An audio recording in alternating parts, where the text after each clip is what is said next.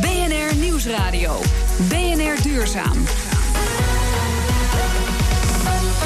Harm Edens. Als we op 15 maart het verschil willen maken, hoe moeten we dan stemmen? Na verkeer en vervoer en de circulaire economie kijken we vandaag naar energie en klimaat. Een minister voor duurzaamheid, is dat een goed idee? Vraag ik aan André Krauwel, politicoloog van het Kieskompas en van de Vrije Universiteit. Nou, het is misschien wel een goed idee, maar gaat het gebeuren? Ik denk dat er misschien wel vier of vijf partijen voor het volgende kabinet nodig zijn. U weet ook hoe dat gaat. Die moeten allemaal ook ministerspostjes hebben. Zeg je nou u tegen me? Nou ja, jij dan. Uh, zo ga ik jij tegen u zeggen. Maar wij hebben wel mooi in het kader van. Doe maar u in het kader wat, van de Wat er gaat gebeuren is dit. Um, al die partijen willen ministers. Als je echt een minister van Duurzaamheid wilt hebben, dan moet je eigenlijk het ministerie van Economie en dat ministerie van Infrastructuur samenvoegen. He, alles landbouw, visserij, verkeer, vervoer, economie, dat moet bij elkaar. Dan is het een beetje logisch. En dan he, Klaver moet daar dan zitten, zeg maar. Of je houdt dat zo en je voegt een ministerie toe die meekijkt bij al die ministeries hoe dat oh, duurzaam ja, moet. Een coördinerend ministerie. Kijk. Ja, dan krijgen we nog meer politici die allemaal tegen elkaar gaan praten in plaats van dingen doen worden burgers niet blij van. Ik stel voor dat we dat juist wel bij elkaar voegen, maar dat gaat mm -hmm. niet gebeuren.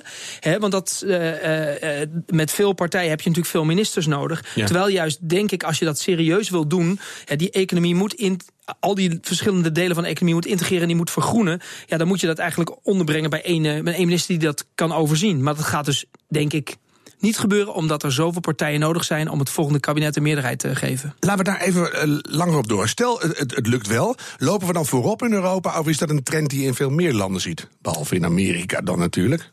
Nee, je ziet overal wel dat natuurlijk um, ministers apart worden belast met het milieu. Dat zie je al eigenlijk vanaf de jaren tachtig dat milieupartijen in Europese landen zijn uh, gaan doorbreken en zetels zijn gaan halen. En ook langzamerhand in Frankrijk en in Duitsland in het kabinet kwamen.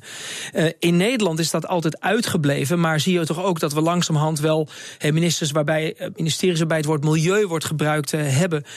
maar echt een zeg maar coördinerend ministerie of een geïntegreerd ministerie waarbij echt nou die milieuproblemen bij elkaar worden gezet in verschillende delen van onze economie. Mm. Dat zie ik zo snel niet gebeuren. Want milieuproblemen kan je het ook niet meer noemen. Duurzaamheid is iets wat, wat echt elke facet van de samenleving aanraakt en waar we een transitie in moeten maken. Dus het is enorm veelomvattend. Je zou kunnen zeggen, het is echt een structurele uh, herziening van hoe we geld verdienen, hoe we produceren, hoe we consumeren.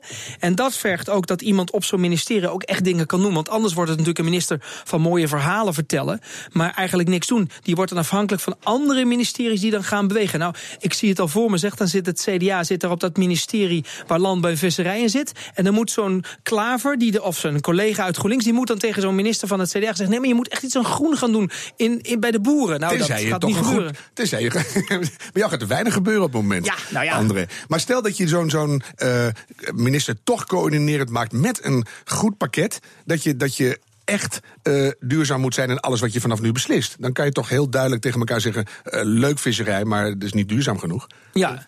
Nou, als je, nou, als je zo'n minister vetorecht zou geven op al die andere ministers, nou, dat vind ik wel een goed punt. Kijk, nou, ja, wie betaalt dat dan? Wij met z'n allen, want wij willen een duurzame wereld. Ja, oké.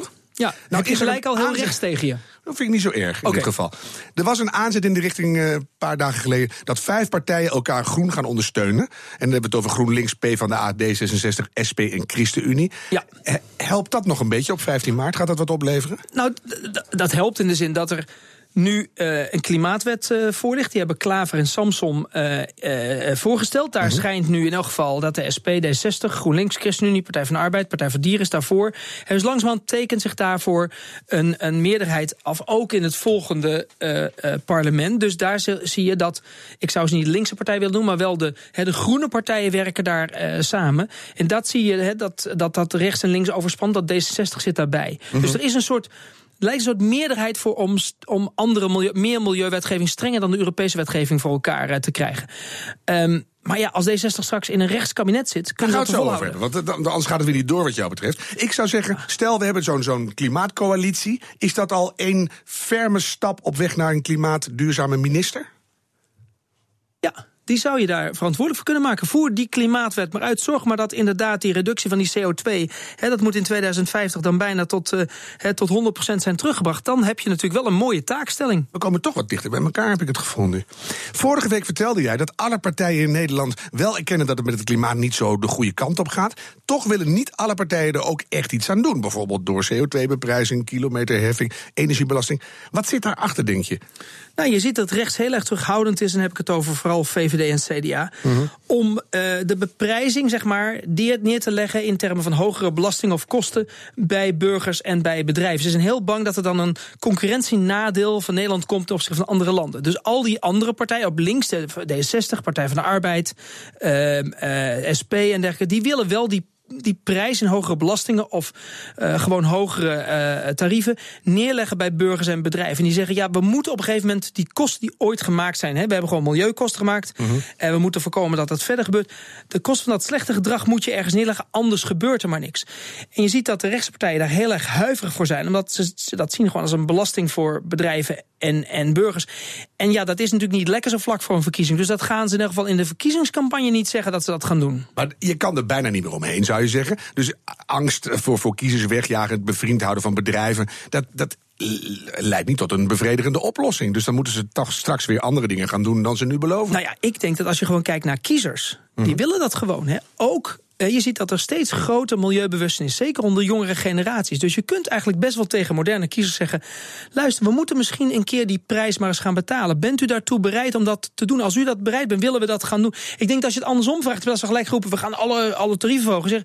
Zeg, wat zijn wij bereid om te doen? Heel veel jonge kiezers zie je dat dat. Misschien, zeer misschien moet je het anders formuleren. Niet zozeer die hier komt de rekening aan van 30, 40, 50 jaar uh, vervuiling, roekeloos leven. Ja. Nee, willen we een mooie wereld waar we in kunnen leven met z'n allen? Dat kost wat. En dan gaan we nu met elkaar in kaart brengen. Ja, precies. En toch beter al? En dat denk ik ook. En ik denk dat je daarmee ook, uh, uh, zeg maar, een soort weer hebt bij elkaar komt en zegt van luister, inderdaad, vroege generaties hebben gigantische milieuschade eigenlijk niets aan gedaan en dat laten lopen. Wij moeten nu zorgen dat het nog van niet toeneemt en zelfs dat terugbrengen. Ja, die rekening komt bij ons te liggen. Wat zijn we bereid om daarvoor te betalen? Dat is de prijs die wij moeten betalen. Ja, of dat we geen wereld meer hebben. Dus ik vind het een makkelijke rekening. Maar, maar kiezers, kiezers willen het ook. De grap is dat, dat heel veel partijen eigenlijk niet weten wat kiezers eigenlijk willen. De kiezers zijn eigenlijk groener dan de partijen. Dat is een fijne bewering, André. Nou, voor jou die, die ga ik er even uitlichten, daar ben ik heel blij mee. Jij zei vorige week, VVD en D66... die gaan waarschijnlijk samen de kern van het nieuwe kabinet vormen. Dan denk ik, en daar gaan we dus weer, je zei het al... dan gaat er klimaattechnisch niet zoveel gebeuren. Hoe zit het dan met, het, met de klimaatwet, de energietransitie? Worden dat de nieuwe kroonjuwelen van D66? Van doen jullie dat maar in het nieuwe kabinet? Of verzuipen we dan in een donker paars moeras? Nou kijk, als inderdaad alleen CDA D60 en VVD van het kabinet uitmaken en mhm. GroenLinks daar niet bij aansluit, dan denk ik dat er weinig gebeurt, omdat het CDA en de VVD gaan dan wel op het gebied van innovatie en technologie en dergelijke, uh, circulaire economie een beetje stappen maken, maar ze gaan zeker niet hele harde doelstellingen, zeker niet boven zeg maar de Europese doelstellingen uit uh, mee akkoord. Mhm. Geen harde afspraken uh, over en deadlines over die reductie van CO2. En dan krijg je toch dat er inderdaad veel meer wordt gezegd dan dat er wordt gedaan. Dus het zou voor D66 een hele slechte zaak zijn om in zo'n kabinet te gaan zitten? Zonder GroenLinks. Ze moeten eigenlijk zich verbinden met een andere linkse partij. Dus die, in die rechtse coalitie. Want de D60, VVD en CDA zijn allemaal rechts op de economie. Maar GroenLinks en de VVD zie je echt gebeuren? Ze nou ja, paars krijgen we dan. Ja, nou ja, maar eh, ik denk, ik denk als je ziet waar GroenLinks heen bewogen is de afgelopen 10, 20 jaar, zijn ze echt wel voor flexibilisering van de arbeidsmarkt veel meer. Ze zijn niet meer zo, hè, zo, zo, zo laat ik zeggen, vanuit van GroenLinks is het groene belangrijker geworden dan het linkse. Ja, de, de ijzertijd ligt achter ze. Ja, ze zijn daarin flexibeler geworden. En ze, hebben ook, ze vissen ook electoraal in dezelfde vijver als D66 deels. Mhm. Dus ook voor hen is er electoraal geen risico om te zeggen... oké, het is weliswaar een rechtskabinet met drie rechtspartijen... maar als wij deze groene doelstellingen kunnen realiseren... is dat voor ons wel wat waard. Dan de PVV, we moeten hem toch weer even noemen, ook een grote kanshebber. Die doen helemaal niks voor een beter klimaat, behalve dan statiegeld. Is dat vol te houden, Trumpiaans gedrag in Nederland? Nou, ze zijn ook voor dierenwelzijn, hè? Ja, maar dat vind ik geen beter klimaat. Oh. Hè? Dat is gezellig met je hond uh, leuk uh, wandelen in het park. Nou ja, nee, ze ontkennen echt klimaatverandering, hè, linkse hobby's. Hè, dat is, die toon, is zeg dat maar... vol te houden, dat, dat we elitair bezig zijn? Ja, ik denk het niet. Kijk, ze hebben, aan één ding hebben ze gelijk. De, de rekening neerleggen van alle vervuiling... dat is iets wat rijkere mensen makkelijker betalen dan arme mensen. Zij hebben gelijk dat je kan, als je vliegreizen zwaar gaat belasten... dat je dan inderdaad de vakantie van sommige mensen ontneemt... aan de onderkant van ons eh, loongebouw. Dat is natuurlijk waar. En daar hebben ze een punt. En daar scoren ze natuurlijk ook op. Als je het zo presenteert, dan zijn mensen inderdaad... veel mensen niet bereid om te... moet ik de rekening betalen. Dat vind ik wat anders dan dat je het gewoon niet noemt en ontkent. Dat is waar. Uh, maar goed, zeggen, we moeten het eerlijker oplossen. We moeten de kosten beter verdelen. Maar goed, u weet ook dat ook in het Europa-debat... Eh, zijn sommige partijen heel goed om alleen de nadelen... en niet de voordelen op te noemen. Ja. Een aantal stellingen. Je moet kiezen eens of oneens. Lukt dat, denk je? Voor mij of moet ik het zeggen wat er uitkomt uit het volgende kabinet? Nee, ik ga jou een stelling voorgeven. Er moet een klimaatwet komen met concrete doelstellingen voor CO2-uitstoot en schone energie. Ja, die komt er ook. Die komt er ook? Ja, die komt er. En moet die verder gaan dan het klimaatakkoord dat we hebben? Dat gaat niet lukken. Dat is jammer, hè? Ik ben groener, ja. Ik vind het jammer. Het moet, moet gewoon gebeuren nu. De overheid moet een subsidie verlenen aan huiseigenaren die hun huis isoleren. Ja, dat zou ik wel willen. Ja, dat of moet dat via de pensioenfondsen? Nee, nee. Dat moet, gewoon, moet, overheid moet dat gewoon doen. Dan kan ik mooie zonnepanelen op mijn dak zetten. Ja. En grote eigen stappen zetten in de energietransitie in Nederland heeft totaal geen zin. Dat moet je Europees aanpakken. Dat is ook waar. Dus maar niks doen? Nee, maar je moet het Europees aanpakken. Want als je, de, als je die grote andere industriële naties ook meekrijgt, Italië, Frankrijk en Duitsland, dan heb je winst in plaats van alleen maar een soort alleen maar roepen dat wij het wel goed doen. We zijn er helemaal uit. Ik eh, verheug me op 15 maart en ik, eh, en ik hoop dat jouw bijdrage, André, leidt tot een wat groener stemgedrag. Want dat hebben we nodig. Dank, André Krauwel, politicoloog van het Kieskompas en de Vrije Universiteit. BNR Nieuwsradio. Duurzaam. Zij aan zij, zeilen zij over de wereldzeeën. Like Op zoek naar echte duurzame oplossingen voor onze losgeslagen planeet. Ik heb het natuurlijk over Floris en Ivar. En ondertussen zijn ze in Zuid-Spanje aangekomen. En daar doen ze heel veel met zonne-energie. Ivar, goedemiddag. Harm, goedemiddag. Ja, zonne-energie is, uh, is fantastisch. Wist je dat er in ongeveer een uur genoeg zonlicht op aarde valt om de hele mensheid een jaar van energie te voorzien? Ja, nu nog even opvangen en het transport regelen. Zonneparken heb je tegenwoordig overal. Wat is er zo bijzonder goed aan Spaanse zonneparken? Ja, nou kijk, Spanje is natuurlijk een van de zonnigste landen van Europa. En in het zuiden van Spanje, hier in Andalusië, daar schijnt de zon uh, vaak en intens. Dus het is ook niet voor dat hier in Spanje eigenlijk de eerste grote zonnecentrales gebouwd zijn. Mm -hmm. Lossen ze dingen anders op dan wij doen? Nou, ze hebben hier iets heel slims gedaan um, om de pieken op te uh, lossen. Ze hebben een uh, techniek toegepast dat heet Concentrated Solar Power in goed Nederlands, oftewel mm -hmm. CSP-plants. Um, daar hebben ze een soort uh, gebogen spiegels. Die vangen zonlicht op en die um, energie wordt geconcentreerd om vloeistoffen op te warmen. Daarmee worden turbines aangedreven die elektriciteit leveren. En het mooie is dat uh, door die hete vloeistof tijdelijk in tanks op te slaan... kun je ook elektriciteit leveren als de zon al onder is. Ja, dat is vaak het grote probleem, hè? Ja. Ja, zo, maar zo is opslag dus eigenlijk al uh, ingebed in het ontwerp van deze centrales. Mooi. Is dat iets wat wij uh, gratis kunnen stelen en ook toepassen in Nederland? Um, ja, Nederland heeft natuurlijk een heel ander zonnepatroon. Dus de vraag is inderdaad of je dat met deze techniek beter kan doen nog met wind. Eigenlijk is windenergie ook een indirecte vorm van zonne-energie. Als je natuurlijk kijkt naar de, uh, de atmosfeer die door de zonnewarmte in beweging wordt gebracht. En ja, maar steenkool is ook een indirecte zonne-energie natuurlijk. Hè? Maar daar gaat het nou niet om. Piekmomenten nee, opvangen lijkt mij nuttig. Dus uh, stuur even een blauw drukje, dan gaan we kijken of we dat hier ook kunnen gebruiken. Waar gaan jullie hierna naartoe? Uh, we gaan de, de Middellandse Zee verder in op zoek naar allerlei spannende duurzame oplossingen die daar aan de andere landen, in andere landen al uh, ontwikkeld zijn. Mooi, ik vind dat jullie jezelf echt totaal opofferen voor een betere wereld. Dankjewel, Ivar. En weet je, misschien moet je dat nog even vertellen... minder zwerfhonden loslaten op argeloze Nederlandse toeristen. Dat is ook heel duurzaam. Straks in BNR Duurzaam. De 17 Sustainable Development Goals zijn bezig met een opmars in de hele wereld. Maar ze moeten ook eerst nog betaald worden. Na de reclame hoort u of u daar ook voor opdraagt. Nieuwsradio. BNR Duurzaam. De 17 Sustainable Development Goals, oftewel de werelddoelen, moeten volgens de Verenigde Naties de wereld beter en vooral ook duurzamer maken. En al in 2030. Maar om die doelen te halen is er geld nodig. Heel veel geld. Marga Hoek is directeur van Business for Good, waar ze duurzame business innovaties koppelen aan investeerders. En de komende weken gaan wij het met elkaar hebben hoe we, over, hoe we die SDG's kunnen financieren. Marga, fijn dat je er bent. Dankjewel. Leuk om er te zijn. Ja, je zit er uh, duurzaam bij. Dat gaan we een paar weken zo? volhouden. het zijn nogal tamelijk gigantische doelen. Hè? Honger de wereld uit, duurzame energie, gelijke rechten voor mannen en vrouwen. Echt echt op weg naar een betere wereld. Daar is heel veel geld voor nodig om dat in de hele wereld voor elkaar te krijgen. Waar hebben we het dan zo ongeveer over? Ja, het wel goed inderdaad wat je zegt om die getallen gewoon eens te benoemen. Daar is natuurlijk aan gecijferd en gerekend door tal van instituten. We hebben het over 2,4 triljoen dollars. Uh, jaarlijks additioneel uit de private sector wat nodig is om in 2030 die doelen te realiseren. Dan moet je meteen even zeggen, wat additioneel is, het komt ergens bij. Ten opzichte he, van de, wat er om nu en zeg wat maar, is per er jaar nu al aan, aan dollars? Nou, je zou de andere getallen erbij kunnen halen, betekent in zijn totaliteit 5 tot 7 triljoen per jaar. Dus er is nu al dus zo'n zo dikke 4 is er al, of 3,5 en dan komt er 2,4 bij. Nou ja, wat daaraan besteed wordt, want als je, um, dat vind ik dan interessant, van hoe groot is die totale kapitaalwereld dan? Hè? Ja. Dus ja, hoe moet je die dingen aan elkaar relateren? Mm -hmm. Ja, dan denk je eigenlijk weer, het is eigenlijk helemaal niet zoveel. Want er is 290 triljoen dollar geld te besteden, zeg maar. In de ganse wereld. In de ganse wereld. En dat groeit 5% per jaar. Dus geld is er genoeg. Dat is het issue niet. Nee, maar dat is goed om hardop te zeggen, zoals je noemt. Want dan, zo gauw je in de miljarden praat, wordt het al abstract. In de, de triljoenen, dan haakt iedereen dan houdt het helemaal af. niet meer bij. Ja. Maar in verhouding is het te doen het is te doen. We moeten ook niet denken het is te weinig. Want dan ben ik altijd angstig dat we meteen te weinig beweging krijgen. En dat willen we natuurlijk niet. Nee.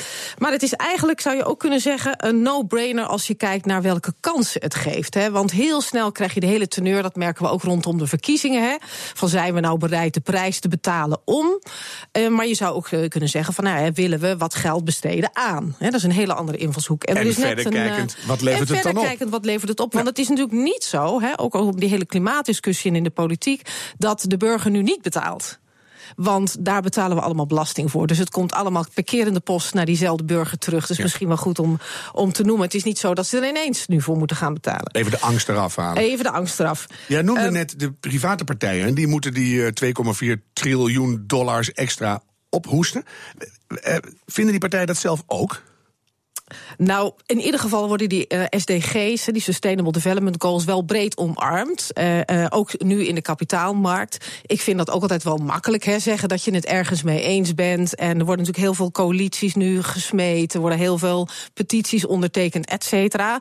Dat is goed, maar ik noem het altijd maar zwemdiploma A. Hè, en dan nog B en dan C. en dan moeten we gaan zwemmen om echt goed tempo voorbeeld. te maken. Afgelopen ja, week waren we bij het Algemeen Burgerlijk Pensioenfonds... om te praten over duurzaam en verantwoord beleggen. En daar was zeer veel bereidheid nu. Ja, dat is er ook. Dat is er in. ook. Maar nu ja. put your money where your mouth is, hè, mm om het zo maar te zeggen. En even nog terug naar die kans. Wat interessant is dat uh, de Business Coalitie, waar Paul Polman de voorzitter van is, nu op World Economic Forum ook een rapport hebben gepubliceerd. Dat heet Better Business, Better World. En daar staan die kansen ook allemaal in beschreven. En daarin staan ze ook benoemd. En daar zegt men van de uh, Sustainable Development Goals ontsluit een markt van 12 triljoen dollars per jaar. Dus er zijn heel veel nieuwe markten die ontstaan door die doelen. Hè. Naarmate we die doelen met z'n allen belangrijker vinden, de problemen groter, dat ontstaan nieuwe markten door, zoals landbouw en voedsel, steden, energie en materialen en gezondheid en voedsel. Met andere woorden, er is ook een heleboel geld in te verdienen. Dus het is niet alleen maar kosten, het levert Absoluut ook weer wat op. Niet. Als je naar al die, al die 17 dingen kijkt, dus nou, nummer 17 is samenwerking, dus die is een beetje niet zo uh, hard te maken, behalve dat het Nou ja, die is nu is. heel belangrijk, hè? Ja. Want die samenwerking is cruciaal om maar die dingen kost te geen bereiken. Geld eigenlijk. Nee. Uh, welke is het makkelijkst te realiseren en welke is heel duur? Nou, dat is moeilijk te zeggen. Als je zou moeten zeggen van op welke moet je in ieder geval richten, is natuurlijk 13 Climate Action heel belangrijk, omdat die van invloed is op, oh, dat is een mooie evenaring, op 13 van die 17 doelen. En die heeft ja. heel veel impact natuurlijk in die ontwikkelingslanden, waar uh, de Sustainable Development Goals natuurlijk veel mee te maken hebben. Dus die is in ieder geval belangrijk. En het inzicht groeit steeds meer hoe die doelen onderling verweven zijn. Hè. Dus impact op de een betekent automatisch ook impact op een aantal dus anderen. begin dan maar gewoon ergens. En uh, dus ja. als je op één meerwaarde realiseert, is altijd al heel goed. Want dat betekent dat je ook meerwaarde op andere uh, realiseert. Ja. Als je Nederland vergelijkt met de rest van de wereld, wat gebeurt er hier dan en wat gebeurt er daar? Nou, wat, waar we in Nederland trots op mogen zijn, dat is ook wel eens goed om in te brengen. Hè, want in de hele discussie over duurzame energie, daar worden we nooit zo blij en trots van. Mhm. Maar dat mag in dit opzicht wel. En zowel aan de business als aan de kapitaalkant. Dus aan de businesskant hebben we heel veel bedrijven die internationaal ongelooflijk goed doen. En ook de uh, roergangers van de grote bedrijven die wereldwijd daarover bekend zijn. We kennen allemaal Fijke Sijbesma, Paul Polman enzovoorts.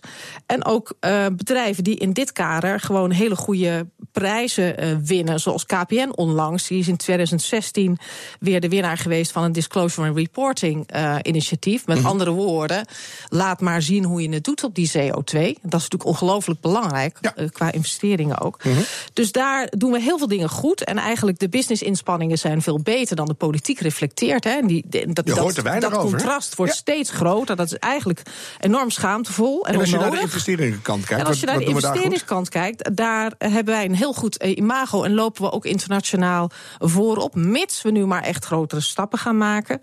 Dus bijvoorbeeld, we hebben in Nederland onlangs dat uh, initiatief gehad dat uh, 21 partijen met elkaar een uh, commitment hebben ondertekend om gezamenlijk te gaan werken aan die Sustainable Development Goals. Veel institutionele beleggers, hè, dus ook pensioenfondsen, verzekeraars en de grote banken.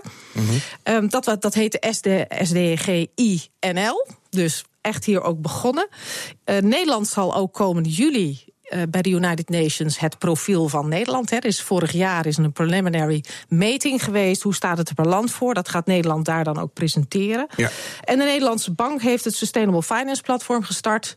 om eigenlijk ook deze ontwikkeling aan te jagen... en faciliteert en host een aantal werkgroepen die daarover gaan. Nou is het nog iets anders ja. of je erover praat, werkgroepen start... allerlei randvoorwaarden bekijkt, He, dat is weer dat eerste zwemdiploma, zeg maar even. Dan dat je echt je investeringen omlegt. He. Mm -hmm. En uh, wat daarin heel belangrijk is, is dat je uh, geld eigenlijk een middel voor positieve verandering laat zijn.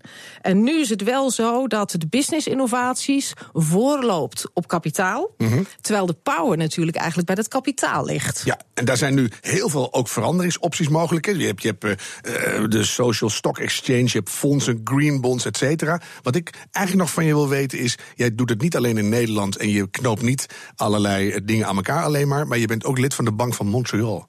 Ja, van hun externe advisory council. Dat moet je ja. even nog heel kort zeggen. Nou, dat is een adviesraad. En dat zie je ook wel over de wereld steeds meer ontstaan. Die de Bank of Montreal voor hun uh, duurzame fondsen, dat is dan het nadeel, hè, voor hun duurzame fondsen heeft opgericht. Om mee te denken, want hoe kunnen ze dat verder verbeteren? En mijn eigen portefeuille specifiek die Sustainable Development Goals. En gaan we die, die, die dingen betalen met z'n allen? Gaat het lukken? Die doelen, uh, absoluut. Linksom of rechtsom, of we nou willen of niet. Of recht door het midden. Marga Hoek, dankjewel, tot binnenkort. De minuut van de waarheid. Minister Kamp zei onlangs in het tv-programma Zembla... Als ik de bijstook van biomassa niet subsidieer, kan ik de klimaatdoelstellingen niet halen. 14% duurzame energie produceren in Nederland in 2020 en 20% CO2-reductie bereiken in Europees verband ook in 2020. Redacteur Rut van de Vlucht vond het een vreemd ingewikkelde uitspraak en dook er zo helder mogelijk in. De stelling wordt vandaag beoordeeld door Frans Royers, directeur van milieuadviesbureau CE Delft. Allereerst gaan we even terug naar die klimaatdoelen. Hoe zat dat ook alweer? Nederland haalt de klimaatdoelen zoals die Europees zijn afgesproken. Dat is 20% wat we moeten gaan halen ten opzichte van 1990 in het jaar 2020. En de verwachting is dat we ongeveer op iets van 23% uit gaan komen. Dat klinkt natuurlijk als muziek in de oren. Maar volgens klimaatorganisatie Urgenda gaat dat nog niet ver genoeg. De rechter bepaalde dan ook dat Nederland niet 20, maar 25% CO2-reductie moet halen in 2020. En volgens minister Kamp is daar dan dus bijstook van biomassa voor nodig. Als kijken naar de uitspraak van de heer Kamp, die haalt eigenlijk twee dingen door elkaar. Hij heeft gezegd van uh, als ik de bijstook van biomassa in kolencentrales niet subsidieer, kan ik de klimaatdoelstellingen niet halen om in 2020 14% duurzame energie te produceren. Maar de 14% duurzame energie is geen klimaatdoel. Voor de klimaatdoelen heeft minister Kamp die bijstook van biomassa in kolencentrales dus niet nodig.